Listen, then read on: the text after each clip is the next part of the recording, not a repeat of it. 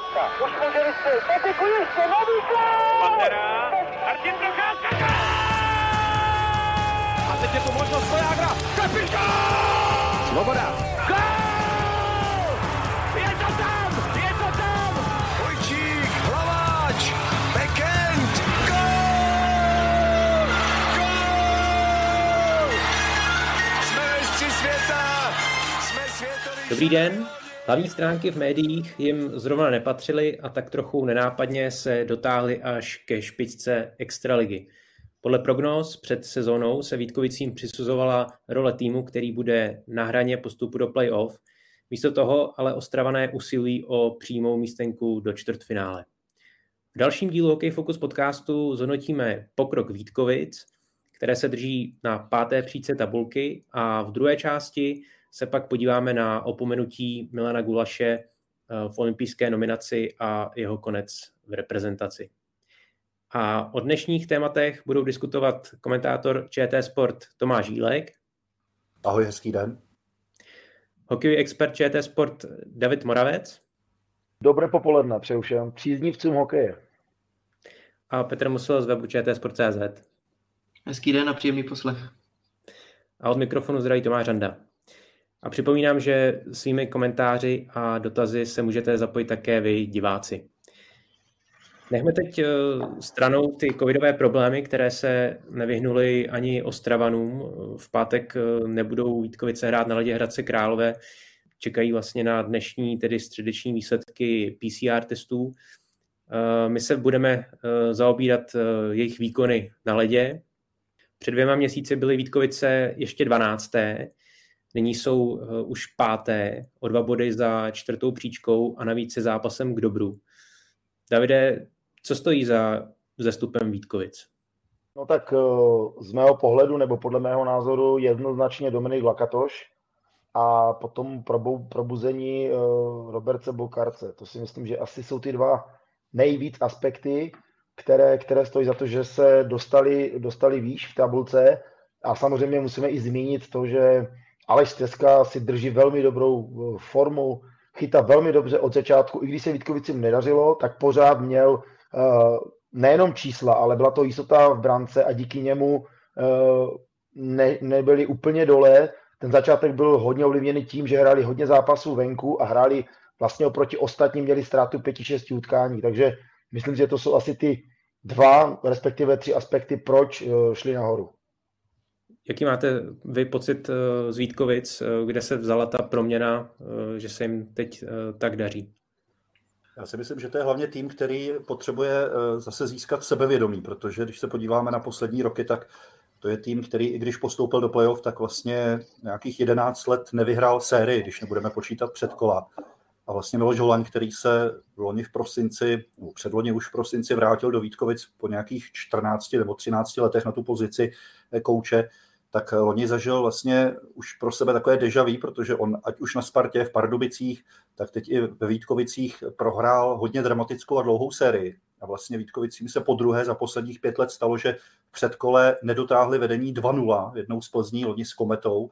Takže má pocit, že to je tým, který hrozně jako už historicky potřebuje nějaký úspěch nejenom v té základní části, ale potom to přetáhnout i do playoff.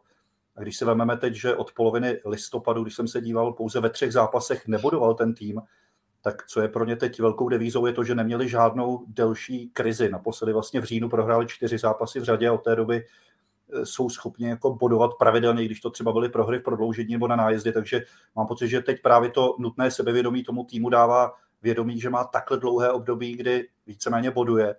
A paradoxně nebyla to zrovna reklama na současné Vítkovice, pokud diváci sledovali ten nedělní přímý přenos, protože tam to byl jako výrazný úlet za ten poslední čtvrt rok, kde mám pocit, že to byl takový zápas, který asi David taky párkrát zažil, jako fakt zápas blbec, kdy týmu od prvního střídání nešlo nic, odskakovali puky, hráči se vzájemně sráželi, přihrávky nešly, padaly ve středním pásmu, zdánlivě jako bezdůvodně, takže mám pocit, že tam se to jako opravdu sešlo a teď je otázka, jak právě ten tým využije toho sebevědomí a vlastně zareaguje na takovýhle debakl a vrátí se zase na tu jako bodovou šňůru. No. Takže to, co David zmiňoval, Golman, návrat Dominika Lakatoše, určitě Alexej Solověv, protože Vítkovice potřebovali obránce, který bude opravdu na přesilovce bodovat, bude bodovat při hře 5 na 5. A jako další zajímavý důvod vidím to, že Vítkovice jsou tak vysoko, přestože mají opravdu tragické vstupy do zápasu. To mají jedny z nejhorších prvních třetin, jako dát za 39 zápasů 19 gólů v prvních třetinách. Tady je vidět, že i přesto Vítkovice jsou schopny ty zápasy jako nakonec dotáhnout do vítězného konce. Takže mám pocit, že celá tahle mozaika by ten tým letos mohla jako dobře nastartovat i na to playoff, kde strašně dlouho čekají na nějaký úspěch. Tomáši, ty jsi zmiňoval eh, trenéra Miloše Holaně. V čem vidíš eh, jeho rukopis? Eh, co se daří vštípit do hry Vítkovic? No je to možná paradoxní, on jako samozřejmě byl obránce, ale obránce, který byl schopen jako bojovat s útočníky o vítězství v bodování základní části, těch jeho 68 bodů ze sezóny 92-3 je dneska jako neuvěřitelných, to mám pocit, že ani Petr Čerešňák se tomuhle číslu letos nepřiblíží a to, že teda boduje jako pořádně jako obránce, ale i přesto, jakým typem byl a že ho často jeho bývalí spoluhráči nazývali takovým eh, čtvrtým útočníkem na ledě, tak mám pocit, že z toho systému je cítit, že to byl back, že prostě vyžaduje systém, vyžaduje disciplínu plnění od všech hráčů právě toho daného eh, systému. A taky se mi líbí to, že eh, ve Vítkovicích mají vlastně podobný systém jako třeba na Spartě, že manažer je zároveň vlastně asistentem trenéra a v pozici dalšího bývalého vynikajícího hráče Vítkovice Romana Šimíčka tady mají dobře provázané to, jaké hráče si přivádějí, s jakým konceptem a s jakým cílem a že i ty návraty třeba hráčů eh, zpátky do Vítkovic, ať už to byl pár let zpátky Roman Polák nebo teď Dominik Lekatoš v průběhu sezóny, že to jsou hráči, kteří k tomu klubu mají nějakou historii, nějaký vztah a že to budují právě na, na té týmovosti. No. Tam mám pocit, že eh, když se podíváte na pořadí produktivit, tak jestli se nepletu, tak před tím nedělním kolem, když jsem si dělal přípravy, tak tam Robert Bukart byl 39. v celé lize, takže to není tým, který by měl jednoho hráče, když pomineme Dominika Lakatoše, který přišel až v průběhu, že by měl hráče v top 10 bodování, tam to, o tom to tolik není. No. Takže mám pocit, že to je velmi jako kompaktní a vyrovnaný tým ve všech složkách, golman, obrana i útok. Nastavili tam jasný koncept, eh, jak se prostě Vítkovice chtějí prezentovat a když teď prostě před zápasem nebo si vyberu z extraligového kola na, na nějaké zápasy chci podívat, tak když se spojím na, na Vítkovice nebo si vyberu Vítkovice, tak uh, vím zhruba uh, prostě, co, co dostanu opravdu.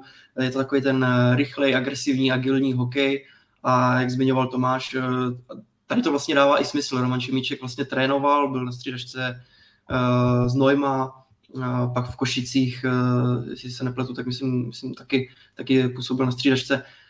Takže uh, to není jako úplně nějaký umělý sestoupení na, na lavičku, ale uh, zkrátka hodně si myslím, že i pomůže Miloši Holaňovi a je to takový hodně jako defenzivní styl v určitých uh, pasážích, ale zároveň jako aktivní třeba co se týče toho forecheckingu. Já jsem se díval na pokročilé statistiky, který podle mě vždycky trošku jako vypoví něco o tom, jak ten tým se prezentuje. A třeba co se týče jako forecheckingu, tak uh, Vítkovice jsou ve více aspektech, uh, když se ještě ten forechecking nějakým způsobem jako rozloží, tak v těch aspektech jsou vždycky v první pětce. Jo, ve hře 5 na 5, prostě z forčeku, uh, když získají puk a, dají, a pak to vede následně ke gólu, tak tam jsou v první pětce.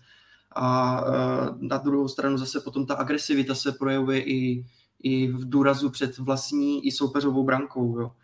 Takže uh, potom jsou zase, zase v top 5 uh, co se týče jako dorážek, eh, toho rozdílu mezi tím, kdy z dorážek dávají gól, ale zároveň nepovolí branky z dorážek. Jo. Takže vlastně Aleši Steskovi strašně pomáhají i v tom předbrankovém prostoru, takže ten, ten rozdíl je plusový, plus 11 a tam jsou dokonce na tom uh, vlastně nejlépe, uh, co se týče nejméně gól dostávají z dorážek. Jo. Tam dostali jenom 10. Takže je to prostě agresivní, agilní, uh, rychlý hokej a ten tým je dobře poskládaný a není to jenom o Soloviovi a o Lakatošovi, ale je to i o posilách třeba z první ligy. Jo. Petr Chlán se, se chytl, uh, nebo pamatuju i záskok jenom na dva zápasy, tam byla výpomoc z Jihlavy, i Léš, myslím Vildumec, taky v tom jednom zápase byli byli aktivní. Takže prostě daří se to Vítkovicím i takhle doplňovat a ty tým je dobře poskládaný a dobře to, dobře to šlape. Mluvili jsme o Dominikovi Lakatošovi, ten eh, pozbíral eh, ve 20 zápasech 22 eh, bodů. V čem jsou podle vás jeho přednosti? Kromě toho teda, že samozřejmě je to skvělý kanonýr. Já si, já si myslím, že jeho velkou předností je taková zdravá drzost. Sebevědomí a zdravá drzost, kdy on ani moc nepřemýšlí, jestli to dopadne třeba nebezpečně pro jejich branku, ale on je schopen se tam nadspat. Je to takové šídlo, které zlobí a štve proti hráče. Hrát proti němu znamená být vždycky na pozoru, co, co mi vyvede. A on ještě k tomu produktivní, naučil se zatím teda být i méně, méně trestaný. Začal zod, trochu zodpovědnější vůči svému týmu, protože hodně, hodně dříve, než ještě odešel, vlastně tak měli takový docela disciplinární prořešku, kdy se nechal vytočit, nechal se vyprovokovat, nějaké oplácení a teď víceméně věřím a doufám, že pochopil tu situaci, že on může být prospěšný na ledě, ne mimo led. Jo, samozřejmě, když ten zápas se láme, tak je třeba vyprovokovat i, i, tu bitku, i tu bitvu mezi dvěmi soupeři, ale on není ten, který by to měl provokovat. Nebo který by se do toho zapojit. Vyprovokovat ano, ale rychle ujet pryč, aby tam někdo jiný přišel, protože on, když je na ledě v přesilovce, tak Vítkovice velmi dobře dovedou tu přesilovku hrát a ohrožovat bránu. To jsme viděli i v tom v úvozovkách z Maru, který hráli v neděli. Eh, opravdu se jim nedařilo nic, pekli a když byla přesilovka, tak eh, spolu vlastně s obráncem, tam byl Solovio, byl tam eh, Honza Bernovský a byl tam vlastně na té druhé straně té střele z první, tam byl Dominik Lakatoš a vždycky, když to měl, tak to smrdělo, že ten gol tam může padnout. Jo, nebylo to takové pláne nějaké, ale opravdu to šlo cítit, že na tom ledě je a že dovede si připravit tu situaci a ví, kam jde střílet. Takže za mě je to velký pokrok a e, možná mu trochu uškodilo, když se vrátím zpětně k té historii, že najednou vyletěl za jednu sezónu v Liberci, šel do reprezentace a možná si to úplně ne- nedovedl vážit. Jo, možná to trošičku sklouzlo, že už to teď půjde samo, ne- neopečoval tu svoji formu, ten přístup, trošičku možná začal lajdačit, jak se říká, a nebylo to úplně ono. Ale teď mi přijde, že začíná být daleko více rozumnější v tom přístupu, k hernímu přístupu, že má disciplínu herní taky. Což je hodně důležité pro hráče kali, kalibru lídru týmu, lídru vlastně soutěže.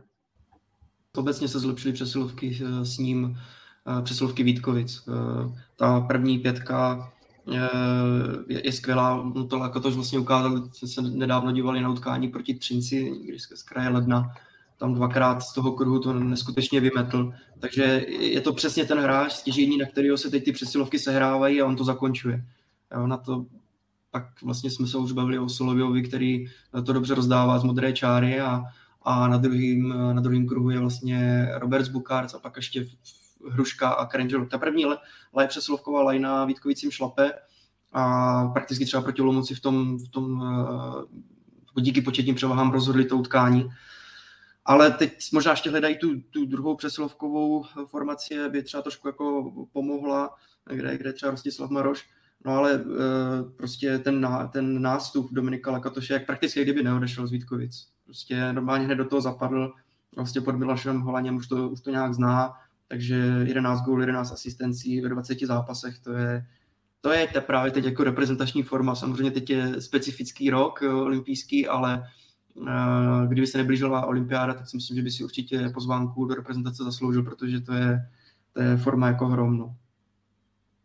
Abych i jako obdivoval to, jak, jak se vrátil vlastně z nepovedeného angažmá ve Finsku, že to na něm nějak nebylo cítit. Já když jsem ho viděl na těch prvních zápasech, tak byla z něj cítit obrovská chuť, že on je hodně střelecky aktivní, má vlastně za 20 zápasů kolem 75 střel, už se vlastně přibližuje těm hráčům, kteří mají odehráno dvakrát víc v tom týmu a ten jeho přínos pro tu přeslovku je naprosto jednoznačný. Vítkovice první čtvrtinu byly vlastně úplně snad nejhorší tým celé extralize ve využívání přesilovek. Měli tři góly za celou čtvrtinu a teď za stejné období posledních 12 zápasů mají 13 gólů přesilovce, takže tam ten efekt je jako naprosto jako úžasný a, a ta jeho efektivita e, strašně se zvedla. Myslím si ale, že mu pomohlo v tom návratu, jak jsme říkali, že skoro jako kdyby neodešel, že vlastně stejně jako většinu loňské sezóny hraje ve formaci se stejnými spoluhráči, takže on sám říkal, že to bylo jen takové intermeco, vlastně to jeho nepovedené e, působení v Lapenrantě, že jako nebyl na něm cítit nic, nějaké jako sražené sebevědomí z toho, že se mu to zahraniční angažmá nepovedlo. No, že obrovská jako chuť a ten drive, který tomu týmu dal od prvních zápasů, co se vrátil. A tak ještě jenom krátce se pohledem čísel, jenom ta bilance jako vítězství a proher. Eh, vlastně před jeho příchodem eh, to bylo lehce záporný, 9 eh, vítězství, 10 porážek Vítkovic, no a jak přišel, tak je to, tak je to zase pozitivní bilance, 11 vítězství a 8 porážek, takže samozřejmě je to jeden hráč, ale, ale strašně přispěli k tomu, že tam byla třeba ta 13 zápasová série vždycky aspoň, aspoň s bodem Vítkovic, takže prostě obecně ten, ten přínos pro tým výborný. Když ještě zůstaneme v útoku, eh, jak to vypadá s případným eh, dalším návratem eh, Ondřeje Romana? Máte nějaké informace ohledně této spekulace, protože v Pardubicích nedostává teď tolik prostoru? No já už se pohybuju samozřejmě tady v Ostravě, ten zájem tady, tady pravděpodobně pořád ještě je, ale asi to co, to, co si myslím, tuším, protože to je docela jakoby dost potajno, tam asi bude uh, možná problém, jak se kluby mezi sebou uh, srovnají, protože nemá úplně nejmenší peníze, to je jedna věc, a teďkom kdo a jak převezmu tu smlouvu. Ale teďkom si myslím, že to je takové trošku pozastavené, protože Vítkovicím se opravdu začalo dařit výsledkově, dostali se nahoru a jak se říká s jídlem, roste chuť, začnete trochu mlaskat a může se stát samozřejmě, že se dva, tři zápasy nevydaří. Bodově to není nějaký výstřel, že by měli velký polštář a může to zase stáhnout na 9. 10. místo a najednou zase začne ta otázka, že přijde Ondřej, najednou by, začne být daleko více aktuální.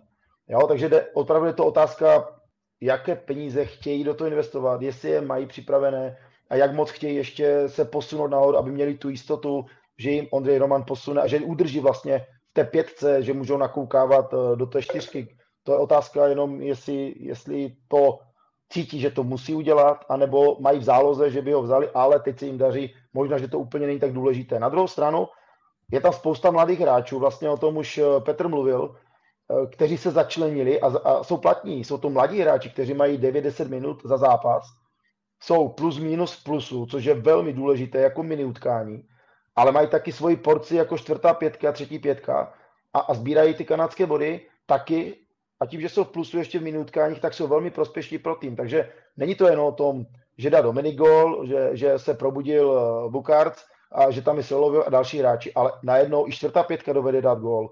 Jo, ať už to je teda Chlán, Bernovský, další hráči, jako, jako jsou ti mladí, kteří tam jsou, ale jde o to, že je to rozděleno do více pětek, do více útočných trojic a to je strašně nebezpečné pro ty soupeře. Oni si nemůžou hlídat jenom první pětku nebo pár hráčů.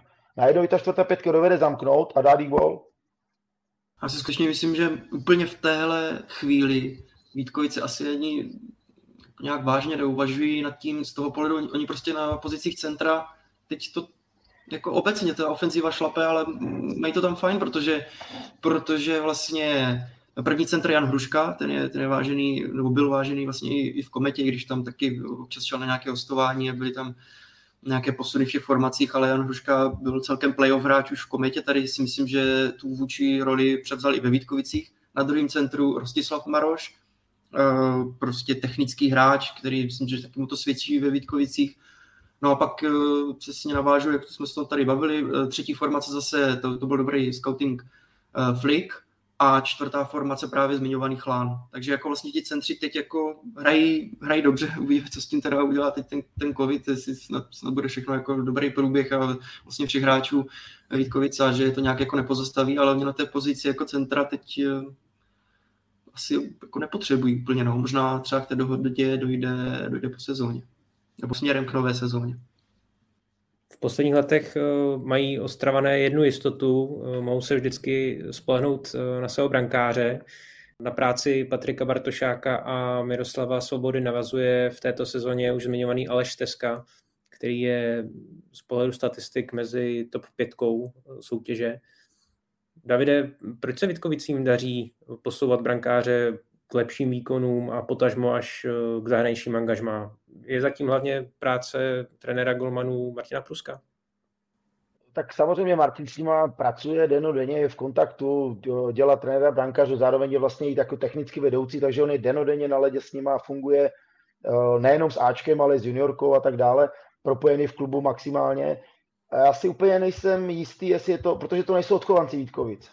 Jo, jsou to hráči, kteří přišli, ať už to, neberu teda Patrika Bartošáka, který se vrátil po určitých peripetích, které měl v zahraničí a v zámoří, ale, ale ten byl jediný vlastně jako vychovaný odchovanec Vítkovic a vrátil se, nebo odchovanec, který prošel i mládežnickými kategoriemi Vítkovic a vrátil se, ale uh, jsou to golmani, je to prostě dobrý čuh na golmana, samozřejmě v tom si myslím, že Martin má jedno z rozhodujících slov, nebo předpokládám, že má taky, ale Aleš Teska byl brankář, který měl, byl velmi nadějný. On šel přes mládežnické reprezentace, vrátil se a v Havířově chytl opravdu jako kvalitní slinu, tam mu dal Jirka Režnar prostor.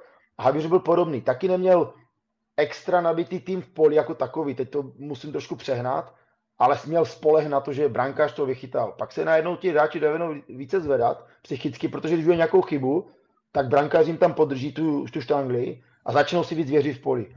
A myslím, že to je podobné taky, že brankář je základ všeho. Říká se v playoff, ale jako opravdu je to obrana a brankář je základ eh, vlastně celého, celého to hokeje, který, který tady Vítkovice prezentují, ať už to byl Patrik Bartošák, nebo to byl Miroslav Svoboda, teď je to Aleš Steska, všichni ti brankáři drželi svůj tým. Nebylo to většinou naopak, že tým podržel golmana. To je strašně důležité to otočit, že brankář podrží tým.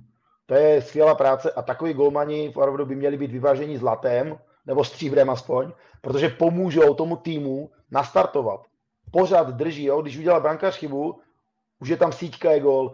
Když udělal obránce chybu, brankář to chytne, takže to je prostě skvělá věc a, a to, co myslím, že je základ a jak moc, eh, no má na to určitě trénování každodenní, eh, má na to vliv samozřejmě eh, komunikace mezi trenérem brankářů a mezi vlastně svěřenci, jak moc funguje a taky je tam důležitá i vazba mezi druhým golmanem, respektive nechci říct náhradníkem, ale, ale parťákem, který mu kryje záda, jak moc vlastně uh, dovede respektovat tu roli. Tady je jednoznačný, že Aleš Teska jednička před sezónou to úplně až tak nevypadalo, ale v těch přípravných zápasech, v těch přátelských a přípravných zápasech si vybudoval pozici jedničky a, a Dolíkovi nezbylo, než se s tím bohužel smířit a, a nepodařit se proklouznout jako jednička. No.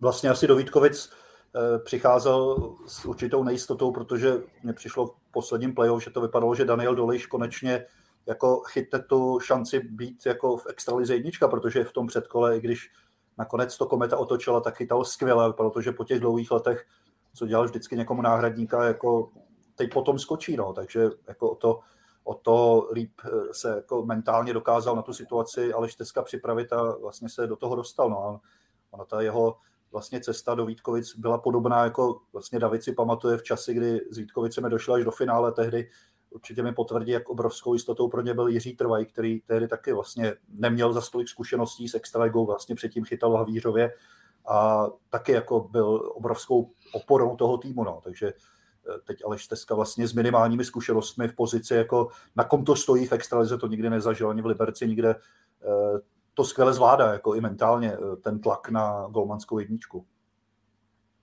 Ještě navážu na Davida krátce, taky už, už to zmiňoval. A Aleši Teskovi pomáhá obecně, protože to práce celého týmu, tak i ta obrana, protože a zase to ta statistika, kterou jsem zmiňoval, těch jenom pouhých 10 gólů z dorážek, prostě čistý prostor před ním a jsou tam strašně velcí silní beci. A to, to měli Vítkovice, to mají Vítkovice už několik sezon po sobě.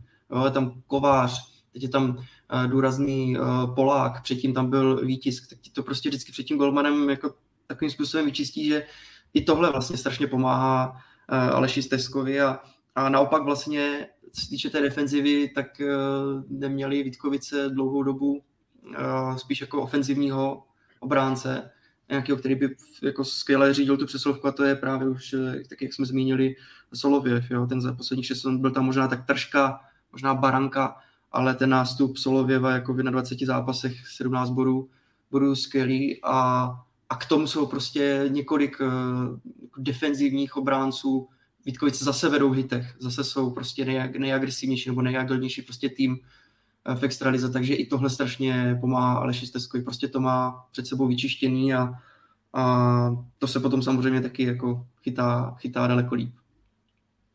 Podle mě ještě jedno číslo dobře symbolizuje, co on znamená jako golman pro tým.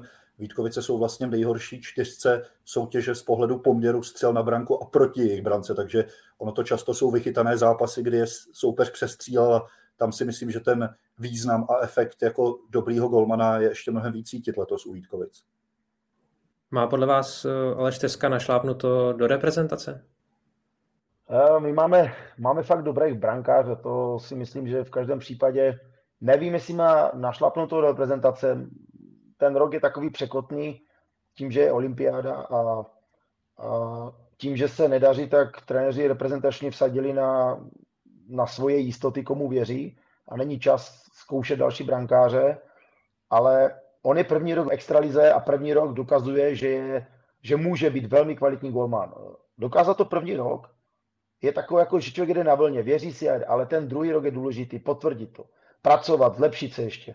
To je velmi důležité. To si myslím, že potom by měl šanci dostat se, nebo měl by dostat šanci, pokud bude takhle pokračovat do reprezentace. Ten druhý rok je velmi důležitý, aby potvrdil svoji kvalitu z předlešlého roku a potom, uh, proč ne, může dostat šanci a ukáže se. Já bych mu hlavně přál, pokud tu šanci dostane, aby ta jeho premiéra nedopadla jako třeba u Štěpána Lukeše z Hradce Králové. Nebo Miroslav Svoboda, ten to taky neměl úplně jednoduchý no. na kariéře.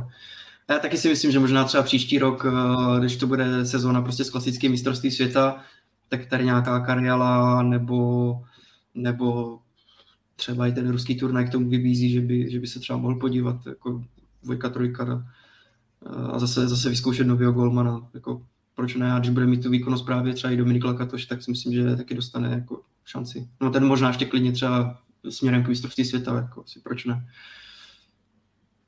A líbí se mi, že obecně u nás kluby se nebojí v posledních letech dát jako velkou nálož minut Golmanovi, který eh, je tak si to zaslouží a nemá v zádech jako předchozí sezóny v téhle pozici, že vlastně dlouho takovým jako vůdcem v tomhle byla Plzeň, ať už to byl Dominik Frodl, před ním Miroslav Svoboda, který že vlastně v Plzni měl první skvělou sezónu, takže eh, to mi přijde jako fajn, že bez ohledu na to, kolik tomu Golmanovi je léta, co má za sebou, že prostě když chytá dobře, takže dostane tu jasnou, jasnou důvěru od toho trenéra, opravdu chytá většinu minut. No já ještě, když se tomu vrátím všeobecně, ono to souvisí i s Milošem vlastně, kdy on samozřejmě drží hráče, o kterých čeká, že by se měli eh, kvalitou projevit, ale když eh, se dostanou na určitou hranu a už tam necítí ten zájem, ten zápal, tak jak se říká, padni komu padni a dá šanci klidně mladému hráči, bez, eh, bez nějakých větších, delších letitých zkušeností a pokud se mu vrací důvěra pro toho hráče, tak ho nechá hrát, nemá důvod prostě jenom proto, že nemá tolik zkušenosti, takže nemá důvod to, toho hráče nehrát. A to se týká samozřejmě i brankáře. Já si myslím, že do toho, do toho předsezónního kempu, do začátku i tak šel, že sice Dolík vychytal, jak říkal Tomáš, eh, ten závěr sezóny celkem, nebo velmi slušně, nepostoupili, Brno je tam trošku setřelo, ale přišel Zavířová z nižší soutěže, ale tu startovní čáru jim prostě dal stejnou a, a vybojoval si to Aleš Teska a jak se říká, no padni komu padni, si lepší, tak prostě chytáš. Když to zvládneš v sezóně, tak budeš především chytat a, a, a není důvod, není důvod ti nějak šetřit a on opravdu má jeden z nejvíce vytížení golmanů, to je vlastně v celé extralize. Už tady bylo naznačeno, že eh, Vítkovice čekají delší dobu na nějaký výraznější úspěch v playoff. V semifinále už nebyly 11 let, tak jsou Petře podle tebe letos už eh, konečně připravené, aby došli v playoff dál než třeba do čtvrtfinále? Tak typovat je takový jako těžký, myslím si, že eh, top 4 asi, asi pravděpodobně z toho ještě nebude, ale já se jako na Vítkovice těším na, na playoff, protože a už jsme to tady taky nastínili stylem, jakým hrají a oni už podle mě hrají stylem, kterým se prostě Česká extraliga hraje, a zvlášť playoff, to je potom jako v jakékoliv uh, soutěži. Takže uh, pevná defenziva, uh, jo, zároveň tam jsou prostě rychlí hráči, takže, takže i ten zmiňovaný forechecking a já si myslím, že budou zase v playoff lepší než, než třeba minulý rok. A už minulý rok série předkola Vítkovice Kometa pro mě byla jedna z top tří sérií uh, loňské sezóny. Mě už nebavilo tolik jako úplně to finále, tam bylo vidět, že Liberec byl jako dost oslabený, ale obě ty semifinálové, to je jasný, Sparta, Liberec, uh, Třinec, Mladá Boleslav, ale pak prostě to napětí, emoce, uh, bitky, prodloužení, myslím, že to komentoval Tomáš Šílek, ne, takže tam bylo plno prodloužení, prostě to mělo obrovský náboj a, a ta kometa se prostě strašně zapotila, protože zase to stálo spíš jenom na, na té první formaci a nakonec to rozhodli ti klíčoví hráči ale už tam měla hodně na mále a už prostě v minulé sezóně Vítkovice ukázali nějaký potenciál pro to playoff a myslím si, že teď eh, taky už jsme to prostě probírali obecně, já si myslím, že trošku ještě posílili, jo, uh, Dominik Lakatoš tam byl i minulou sezónu, ale obecně ten kádr ještě zkvalitnil a proto se na ně jako v playoff těším. A myslím si, že opravdu můžou potrápit kohokoliv a, a jako čtvrtfinále tam věřím, že, že udělají. Pro mě bude klíčové, jak Miloš Holaně připraví jako mentálně ten tým, no, že spousta těch hráčů si pamatuje ty dvě ztracené série před kola, kdy vedl tým 2-0. A jak Petr už naznačil, eh, oni vlastně eh, loni na jaře ty zápasy 3 a 4 prohráli v prodloužení a měli tam situace, kdy jim puk skákal po čáře, komety, po tyčkách, takže tam jako pár centimetrů je dělilo to, aby klidně tu sérii vyhráli 3-0 a šli suverénně do čtvrtfinále. No. Takže většina hráčů toho týmu tuhle zkušenost jako má, takže podle mě teď bude hodně o to, jak ten tým na tohle zapomene a bude do toho playoff opravdu s tou snahou jako pro ten klub po dlouhé době zase nějaký úspěch ve vyřazovací části vybojovat.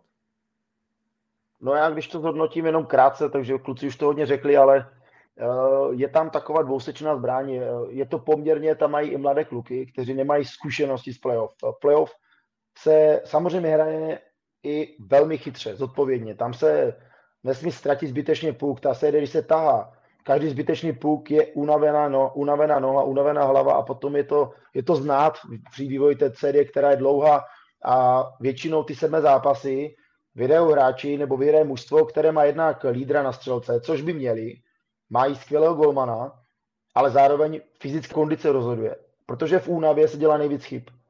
Jo? A kondice celé té série vlastně, jak moc je náročný styl a tak dále. Takže tím, že mají mladé hráče, tak to může být za, za prvé, nejsou zatížení a můžou to přejet. A nebo na druhou stranu se jim nepodaří zápas a, a můžou to být z toho nervózní a už nemusí vytvořit. Je to takové, to páté místo z mého pohledu je docela překvapení. Jo?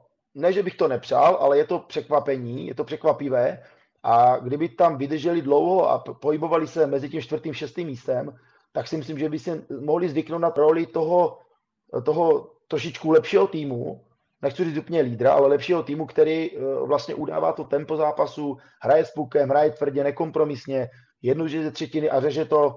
A to potom může samozřejmě i se potom projevit do předkola playoff, nebo kdyby se dostali třeba na to kýže na čtvrté místo, ale eh, je to, je to hodně, hodně nebezpečné, protože nemají tolik zkušených hráčů. Oni mají jenom sedm bodů náskok na desáté místo, takže jak sami říkají, není to jenom o tom dívat se nahoru na čtvrté místo, ale jak říkal David, dvě, tři kola můžou klidně být eh, na desáté pozici.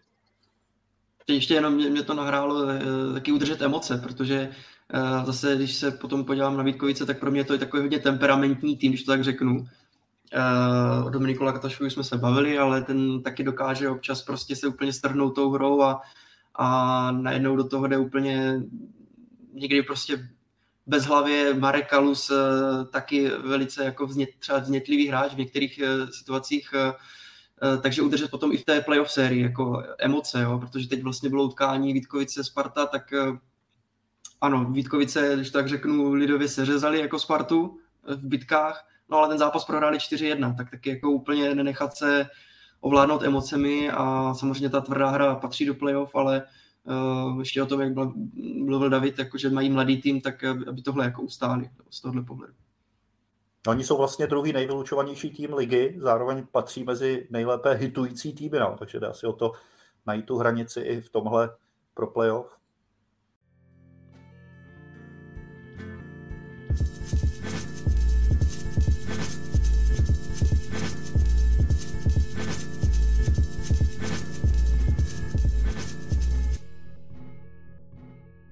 Přesuneme se teď tedy k našemu druhému tématu. Nejproduktivnější hráč eh, národního týmu v této sezóně se nevešel do nominace pro olympijské hry v Pekingu. Milan Gulaš na ruském Channel One Cupu zaznamenal tři góly a dvě asistence, přesto ale po té předběžné nominaci na olympijský turnaj figuroval jen na listině náhradníků a v takové pozici nechtěl Gulaš na pozvánku do Pekingu čekat. V pořadu Hokejem poté dokonce prohlásil, že reprezentace je pro něj v tuto chvíli uzavřená kapitola. Gulašovi vadilo, že mu uh, někdo alespoň po té tiskové konferenci ono opomenutí ani nevysvětlil. Davide, zasloužil si Gulaš uh, jiné jednání i vzhledem k jeho věku, nebo je to téma nedostatečné komunikace ze strany uh, vedení reprezentace spíš nadnesené? Já to řeknu jednoduše, kdyby o něho byl zájem, kdyby měli vedení, ať už to je Filip Pešán, nebo generální manažer Petr Nevěd měli zájem o Milanovi služby, tak mu zavolají. Jo, pro mě to je jednoznačný impuls v tom, že, te, že prostě neměli důvod mu volat, protože ho vlastně nechtěli do týmu. Jo, tam je potom to vyjádření, že není pro první pětku a, a tak, to je z mého pohledu olympiáda. No, víc nic není přece, to je jako olympiáda je nejvíc. A on to hokej den potom řekl, já bych tam šel jako třetí pětka, jako čtvrtá, já bych tam třeba v vozovkách zametal, otevíral výška, pak skočil na nebo opravdu olympiáda je nejvíc, víc, víc není. Jestli teda správně chápu přístup hokejistů jako hráče k reprezentaci země, jedno za čtyři roky na olympiádu, to, to se může podařit jednou za život. A kolika se to podařilo? Jo, a někdo pojede dvakrát, tak to je úplně, úplně něco odstřeleného. Teď nepočítám ty rekordmany. Takže já si myslím, že to jednoznačně nebyl, nebyl eh, v hledáčku a potom to bylo takové jako vyjádření, že, že vlastně není do naší první pětky. No a on potom to celé zhodil, že mu nikdo nevolal, což já si myslím, že nebyl v hledáčku a že by dělal cokoliv, tak to já chápu zase. No. Takže pro mě to je jednoznačná odpověď tady toto. Abych to viděl jako ve dvou rovinách. Jednak eh, v tom, co Milan Gulaš stále je schopen i na reprezentační úrovni dát tomu týmu a pak jako téměř stejně důležitá ta jeho osobní rovina, když si vzpomeneme na jeho vlastně spojení s národním týmem v celé jeho kariéře, na tu sérii jako obrovské smůly, kterou měl vždycky před velkými turnaji, před Pyeongchangem, zranění v poslední přípravě. Vlastně na mistrovství světa si zahrál jenom jednou v Bratislavi, kdy tam taky přijel jako už velmi nečekaně, kdy s ním nikdo nepočítal až v průběhu turnaje jako náhradní. Já, jako když tak v poslední době vzpomínám na hráče, který měl podobnou, jako podobný pech eh, ve spojení s národním týmem, tak mě napadá snad jenom Vladimír Rod. Já si vzpomínám, kdy vždycky naše reportérky s ním dělali rozhovor, když se blížila reprezentační pauza, tak on už sám jako říkal, a jej, to se mi něco stane, ono se mu to většinou bohužel jako stalo, jo. takže eh, jako je hrozně málo hráčů, kteří měli takovouhle smůlu eh, celou kariéru vlastně v tom spojení s národním týmem. A máme tady jako frajera, který jako jediný v historii České extraligy vyhrál třikrát v řadě bodování. David Moravec tu pozici zažil taky, jako asi by si uměl představit, kdyby v sezóně, co vyhrál střelce i bodování, jako národní tým ho jako ignoroval z tohle pohledu.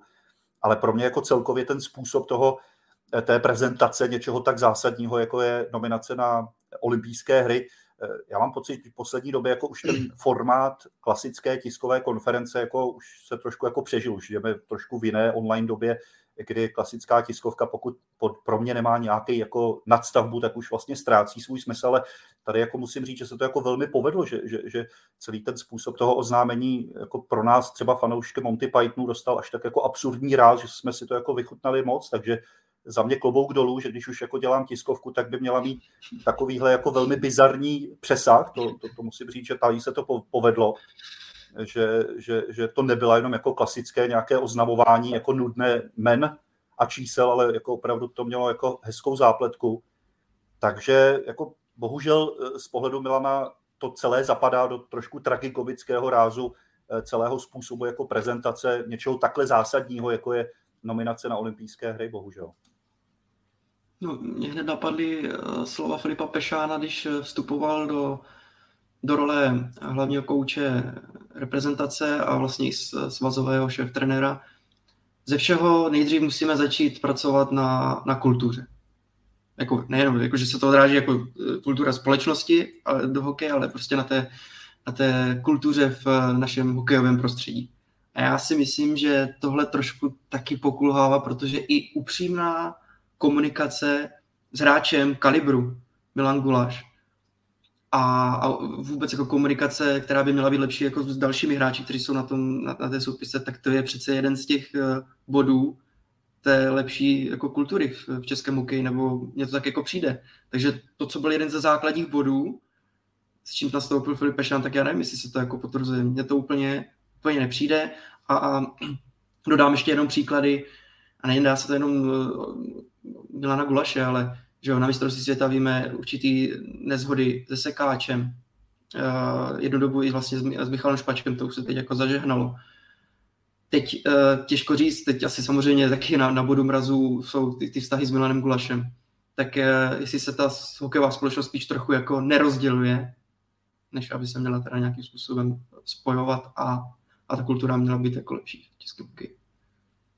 Já tam jako, mě mrzí, že tam cítím takový jako neustálý pocit takzvané předna a teď si doplň teď tři tečky, jak si z pozice eh, vedení naší reprezentace, pokud má reprezentační kouč eh, jako potřebu během nominační tiskovky mluvit o tom, že by hokejový expert neměl práci, pokud by nekritizoval, tak tady vidím jako obrovskou slabinu v té mediální komunikaci a prezentaci eh, toho týmu. Pokud tohle má reprezentační kouč za potřebu říci, případě nominační tiskovky, tak to já považuji za obrovský úlet a za obrovskou neschopnost přijmout jakoukoliv kritiku a jakýkoliv pohled, který nebude zrovna jako plácáním po ramenu a chválením.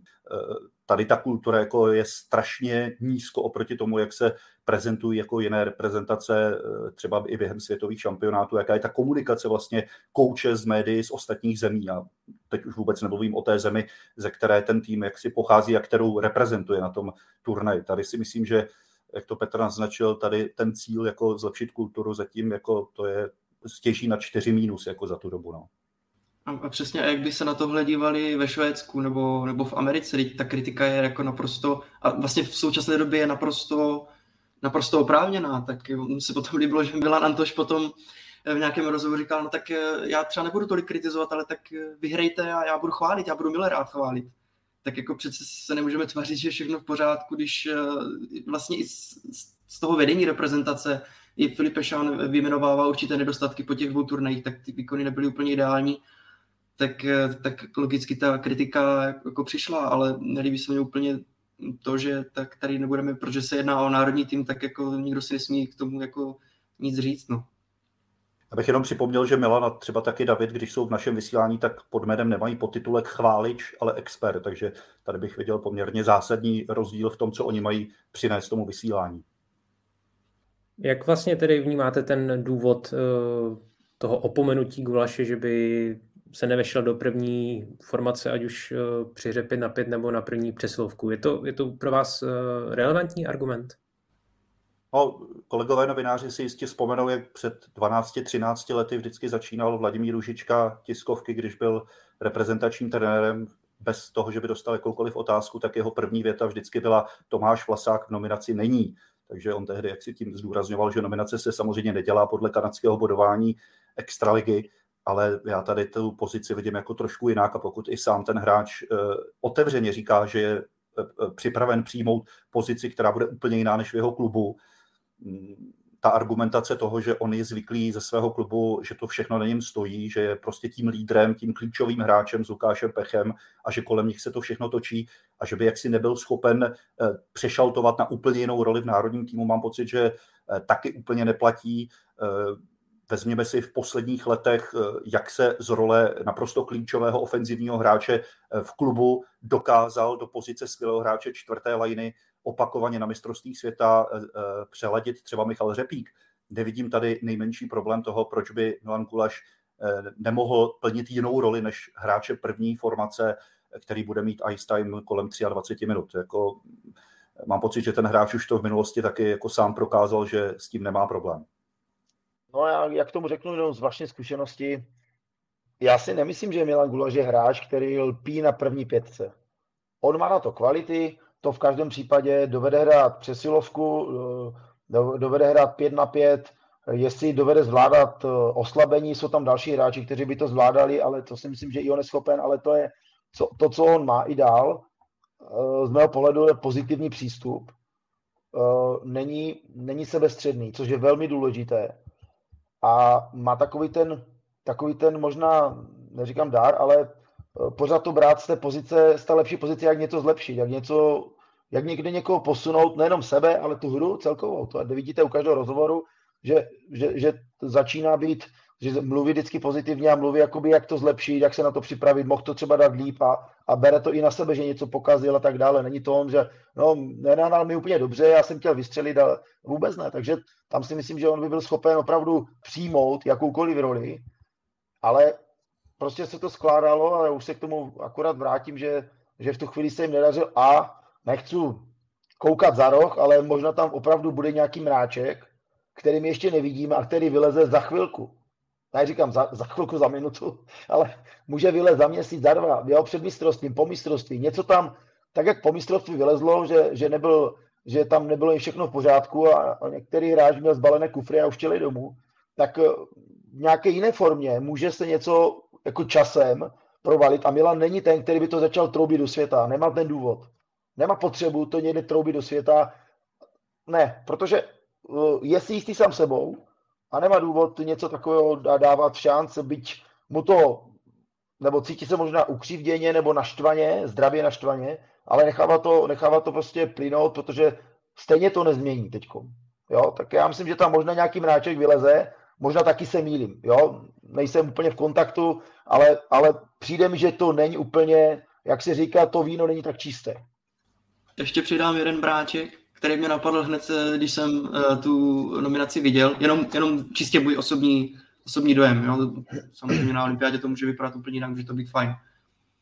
A když se dívám na to útočné složení, jsou tam, je tam několik zkušených hráčů, skvělých hráčů, ale máme tam teda vyloženě střelce. Když se pojďme pohledem základních statistik, Honza Kovář umí samozřejmě vystřelit skvěle, super. Uh, Roman Červenka je spíš třeba tvůrce hry. Uh, kdo tam je další? Jako Vladimír Sobotka asi taky třeba není úplně střelec. Mě jenom překvapilo, že my se uh, už x let bavíme uh, v souvislosti s reprezentačním týmem, že se tam odráží naše neschopnost zakončení nebo prostě slabá kvalita koncovce. A my opomeneme hráče, který by podle mě teda na té přesilovce, stejně jako jsme se bavili o Vítkovicích, že se to hraje na Lakatoše, ten má skvělou střelu, tak v reprezentaci se to nějakým způsobem mohlo rád na Milana Gulaš, který má taky výborný ten one timer, jak se říká, tu střelu z první. A my v době, kdy se bavíme o tom, že prostě teda herně se třeba vyrovnáme, pohybem taky, ale prostě nám to tam nepadá, nebo, nebo prostě v tom zakončení jsme horší, tak my vynecháme z nominace Milana Gulaše a Filipa Chlapíka. Protože momentálně má Filip Chlapík eh, takovou formu, že když by mě někdo o půlnoci zbudil, eh, jako kdo je nejlepší střelec v extralize, tak řeknu Filip Chlapík a dodám, a to není český hráč samozřejmě, a Peter Müller. Tyhle dvě jména by mě jako napadly, ale tak eh, tím chci říct, že prostě dva hráče ze skvělou střelou, proukázalo se to i v Rusku, kdy Milan Gulaš vlastně nejenom, že byl nejproduktivnější hráč celého turné, 3 plus 2, ale jeden ten gol to bylo přesně v té přesilovce, prostě to tam, prostě tam práskl, Golman se nestačil přesunout, nevím, no, i tohle na olympiádě by se nám asi jako hodilo a, a aby jsme potom nestrnuli na tom, že sám Filip Pešán říkal eh, na tom brzkém turnaji po tom prvním utkání s Finskem eh, v Praze, říká, hráli jsme eh, přeslovky profesorsky. A to je přesně hráč Milan Gulaš a Filip Chlapík, kteří by tomu dodali to, že bychom ty přesilovky třeba tolik profesorsky nehráli, bylo by tam víc střelby a víc kvalitní střelby. Tak to ještě jenom jeden poznatek, který mě hned napadl, když jsem se díval na tu nominaci jako kdo vyloženě třeba bude dávat góly. Jiří Smejkal je nejlepší střelec finské ligy společně s Levčím, má 17 branek, ale u něho taky nevím, on může hrát třeba třetí, čtvrtou lineu, nevím, jestli bude hrát na přesilovce a že bude třeba na kruhu a bude to tam sázet, to si nejsem jistý. A kdo tam je potom dál? No? Sedlák se ukazuje celkem dobře v KHL. Je tam Matěj Stránský ještě. Matěj Stránský, jo, tak Matěj Stránský, na toho jsem zapomněl. Tak třeba ten. Ale i tak, no. Přišlo mi to zvláštní. Máte ještě nějaké téma k reprezentaci, třeba eh, kdo vám eh, osobně třeba chybí v té nominaci? Vyměnil byste třeba některé hráče, eh, kromě teda Milana Gulaše? Já si myslím, že důležitá může být i pozice najít jako hráče ze zadních řad, který bude střílet. Já mám pocit, že to by měl být třeba Tomáš Kudrátek, který má skvělou sezónu v Třinci, má už olympijskou zkušenost v Pyeongchangu a když jsem ho sledoval i v době, kdy ještě to vypadalo, že by mohli eh, jet na olympiádu hráči z NHL, tak jsem ho považoval jako jedno z hráčů, který k tomu měl blízko i tak, protože dneska už pro nás jenom z NHL postavit obrané řady je téměř nemožné, takže eh, tam si myslím, že to bude velmi klíčový hráč právě proto, aby v té přesilovce nestříleli jenom útočníci, ale aby jsme tam měli opravdu beka, který bude schopen ty přesilovky využívat sám. No. Takže tady myslím si, že by ta klíčová role mohla být jako na zádech Tomáše Kundrátka. No další zajímavý jméno Ladislav Šmít, to mě teda taky jako fakt překvapilo. Hráč, který měl jako obrovský problémy, byl na operaci se zádama, jako je výborný, je to prostě jeden z nejlepších beků extralize a pak si jenom říkám, ale to, to srovnání, no, když, když teda zraněný hráč, který dlouho teď vynechal a, a je pořád ve hře o, o olympiádu, no a, a někteří se tam nedostanou a, a ním to teda není vysvětleno. Tak a Ladislav Šmít taky jo, jako ofenzivní back, tak uh, pokud bude v pořádku, tak ten by třeba samozřejmě v reprezentaci hodně pomoct, tak jsem zvědavý, jestli se tam, jestli se tam dostane. Já ještě se vrátím do, do těch obraných řad. Pro mě bylo velké překvapení jméno Ronald Knot. To pro mě uh, udělal velký progres. Já si vzpomínám, že když jsem uh, rok byl v 19, tak on tam vlastně byl. Vysoký pravák byl tehda ve Slávě ještě, měl výbornou střelu, trošku horší obratnosti bruslení, ale vypracoval se přes Chomutov a Liberec, opravdu vypracoval, ale olympiáda, to je ještě, ještě něco víc než mistrovství. Tam opravdu bude velký fofr a tam není čas na opravu, reparát vůbec. Jo, to je, a, a to je mistrovství takrát dva v, v zodpovědnosti.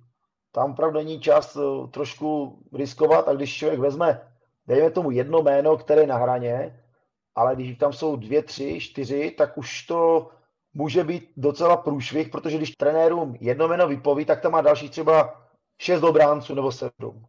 12 útočníků nebo 13, jeden nedaří, dál tam a zase jedeme dál. Ale pokud tam jsou takové okýnka, dvě, tři, už je to hodně na, na, na kalibr olympiády nebo mistrovství. Takže ta neskušenost, nevyhranost, jenom dva zápasy, může se projevit. Já teď nevím, s jakou roli na něho počítají. Mi nepřijde, že Ronald Koeman by měl být ten, který tvrdí muziku. On je sice vysoký, ale nejsem si úplně jistý, jestli dovede hráče takhle vybruslovat a, a, a řezat je tam někde u mantinelu, zavírat a rychle vybruslit. On má výbornou střelu. To evokuje, že bude na přesilovce. Je to pravák. Není jich tam moc, takže další zase, že by byl měl na přesilovce, ale dva mezinárodní zápasy, z mého pohledu je to málo. Ale nechci mu křivit, třeba to zvládne, kež by. By to zvládl a my jsme to zvládli jako tým. Ježíš, to bych strašně chtěl. Ale je to docela jako, je to na hraně, bych řekl. Z mého pohledu je to na hraně. Možná jde, jak to tady zmiňuje vlastně Ondřej Hnilica, ukážu krátce ten poznatek. My jsme to probírali už na předchozím podcastu Kej bez červené s Robertem Zárubou, že možná jde právě i o ty, o ty dvojice sehrané z klubu. Že Knot třeba byl povolený i na základě toho, že hraje s Klokem v Nížně Kamsku, možná, nevím, a Šulák hraje s Mozíkem eh, ve Vladivostoku. Takže no. Eh, jsou nějakým způsobem sehraní, aby ta, aby ta obrana byla kompaktní tak to mě no. napadá jako asi jeden z hlavních důvodů, jinak eh, nevím, když hráč, který nebyl vyzkoušený a asi podle mě taky měl být vyzkoušený buď na kariále nebo na tom ruském turnaji a teď jede na olympiádu. No dobře, a když se tomu vrátíme, rozebereme tu situaci. Takže eh, Ronald Knodl s Lukášem Klokem v jedné obrané dvojici. Já teď nemám úplně načtený eh, Nižně Kámsk, hraju první obranou dvojici, já se hned rychle podívám, ale myslím si, že právě jo, že teď... Jestli tam jsou ve velkém plusu, jo, jestli tam chodí na přesilovky, na oslabení, jak jsou jak moc jsou uh, vlastně jakoby v KL, jak jsou na tom tato dvojice nahoře. Tak jako samozřejmě, jestli tam ta dvojice je uh, mezi top 10 beky nebo top 15 beky v celé KL, tak uh, neřeknu nic, ale přiznám se, že to nemám úplně načtené, jak ti dva fungují v rámci, v rámci toho klubu, ale pokud to tak je, tak ano. Ale pokud to je někde na hraně, tak nevím, jestli to, jestli to zvládnou tady toto. Určitě spolu hráli, teď asi možná vypadl, teď nevím, jestli Klok vypadl možná kvůli nějakým zdravotním problémům, ale uh, hrávali, hrávali spolu podle mě jo, v tom Jižně Kamsku. A pak bych se musel rychle ještě tady vygooglit a podívat se i na statistiky. No. Jako jak na tom jsou vlastně i třeba jako plus minus, jo, jestli se jim vyloženě i daří, ale no, jako určitě patří. Přesně o to jde. Ronald Knot je plus jedna. Eh, rychle teda ještě dám uh, Kloka. No tam samozřejmě plus jedna znamená plus ještě taky, čtyři, no. No, záleží taky, jak je na tom Nižněkámsky, jo. jestli jsou eh, v půlce tabulce, nebo nahoře, nebo dole, a to taky hovoří. O tom eh, plus jedna, minus čtyři není úplně ideální samozřejmě v té tabulce plus minus, což je vlastně mini utkání. To je, to je jako, jako důležité. Takže uvidíme, jako jestli jo nebo ne, ale Nižněkamský je sedmý eh, v konferenci. Nižněkamský je sedmý v konferenci a tak ta, řekněme na hraně playoff. Tak to ještě no pro, pro doplnění. No. Hmm.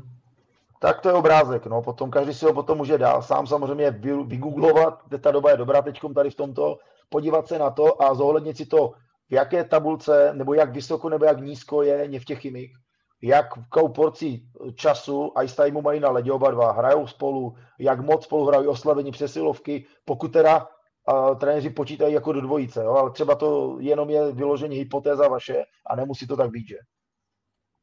Chybí vám někdo ze zástupců Pardubic eh, v nominaci? A možná to ještě doplním. Hodně se mluví o Matěji Blimlovi, o Jakubu Flekovi. Jak vnímáte tu sázku na tu zkušenost a opomenutí, řekněme, té mladší a třeba i rychlejší generace hráčů? Já tam vidím jméno Adama Musila, což teda není tolik o rychlosti, ale o důrazu, tak je určitě takový útočník je eh, velmi eh, jako užitečný pro každý tým, ale já jsem, když jsem zmiňoval Tomáše Kundrátka, tak eh, pro mě jedním z kandidátů byl taky vlastně bratr Adama David Musil, který má jako bohatý zkušenosti z posledních mistrovství světa, takže nakonec se do té nominace nedostal, ale třeba když jsme mluvili o těch obráncích, tak Šulák s Mozíkem vlastně hrají ve Vladivostoku většinou první obranu spolu a myslím si, že Libor Šulák je taky ten back, který by mohl projevit svoji dobrou střelu, že určitě po Tomáši Kundrátkovi je to taky hráč jako s velmi dobrou střelou na obránce. Otázka je Jan Košťále, který letos má skvělou sezónu, vlastně další obránce v Pardubicích. Nevím, jestli v celé té komunikaci hrálo nějakou roli to, jak se stavil vlastně majitel Pardubic k případné nominaci svých hráčů na olympijský turnaj, ale asi bych to nebral takhle jako jedno jméno by byl lepší než jiný, každý je přeci jenom jiným typem obránce, asi nemůžeme Jana Košťálka třeba srovnávat s Mozíkem a s dalšími beky, kteří jsou v té nominaci, nemůžete tam mít jenom jako ofenzivní a dobře střílející zadáky, no. takže eh, asi je to teď tak, že se prostě na něj v tom typu obránce, jakým on je, nedostalo v té nominaci. No já jenom eh, k útočníku, to mě přece jenom trochu blížší. Já myslím, že uh, Matěj Blimel by mohl být ten mladý hráč, který to může rozhýbat, rozpohybovat. Jo? Narve to tam na plné, a bude se za ním třískat, a bude to tam stříkat všechno potom a zase půjde na střídačku, může to tam rozhýbat, to je strašně důležité, protože asi v každé té nominaci by měl být někdo z těch mladých dravých hráčů. On třeba neudělá, nebo neudělá tolik dobrého, nebo méně udělá chyb, nebo více chyb v taktice, dejme tomu, ale dovede to tam trochu rozhýbat někde, člověk tam dá někdy tu kdyby hrál ve čtvrté, tak, tak ho tam dá, on tam trošičku dělá vinec a najednou ti soupeř zjistí, že se daleko rychleji napadá a tak dále, takže ten nehledě na to, že může ty zkušenosti pozbírat, ale vracíme se k tomu zpátky, byl by už tam Matěj Bliml, byl by tam Ronald Knut vlastně a pak jo, už, už je to zase více těch neskušených hráčů, možná z toho důvodu třeba tam není. I to je jako jeden z důvodů, dejme tomu. Mě tam třeba mnohem víc než Matěj Blimel eh, schází Jakub Flek, eh, útočník, který je rychlý, skvělé bruslení, i na poslední mistrovství světa ukázal, jak je užitečný třeba ve hře v oslabení. Takže když už bych za sebe měl říct, tak mě tam určitě víc schází tohle jméno, než třeba některý z těch zmiňovaných pardubických hráčů. Se to je jenom jako můj typ, ale asi samozřejmě zase jejich šance přijde třeba na mistrovství světa, jako Blimel a Fleck, že asi teď to prostě chtěl poskládat Filip Šán jako úplně jinak třeba v té čtvrté eh, formaci eh, bude hrát podobným stylem Jiří Smejkal. Jo, teď se to prostě asi skládalo nějakým jako jiným, jiným stylem, přece jenom i tak ta, ta útočná soupiska je jako nabitá, takže mm, jako hráči jako Smejkal a tak asi budou v té třetí, čtvrté léně, tak eh, Blimla Fleck můžou být pro mistrovství světa jako jedna z možností. Samozřejmě asi se to nehodí úplně říct, ale když jsme byli na, na olympiádě v Japonsku, tak čtvrtou pětku hrál Pavel Patera, Martin Procházka a Honza Čaloun. A pak do toho vletěl vlastně, uh, pak do toho vletěl Pardubický, uh, no, Milan Hejduk. Milan Hejduk. A tak jako, a to přece už v té době byli ty Brďo, to byli playeři.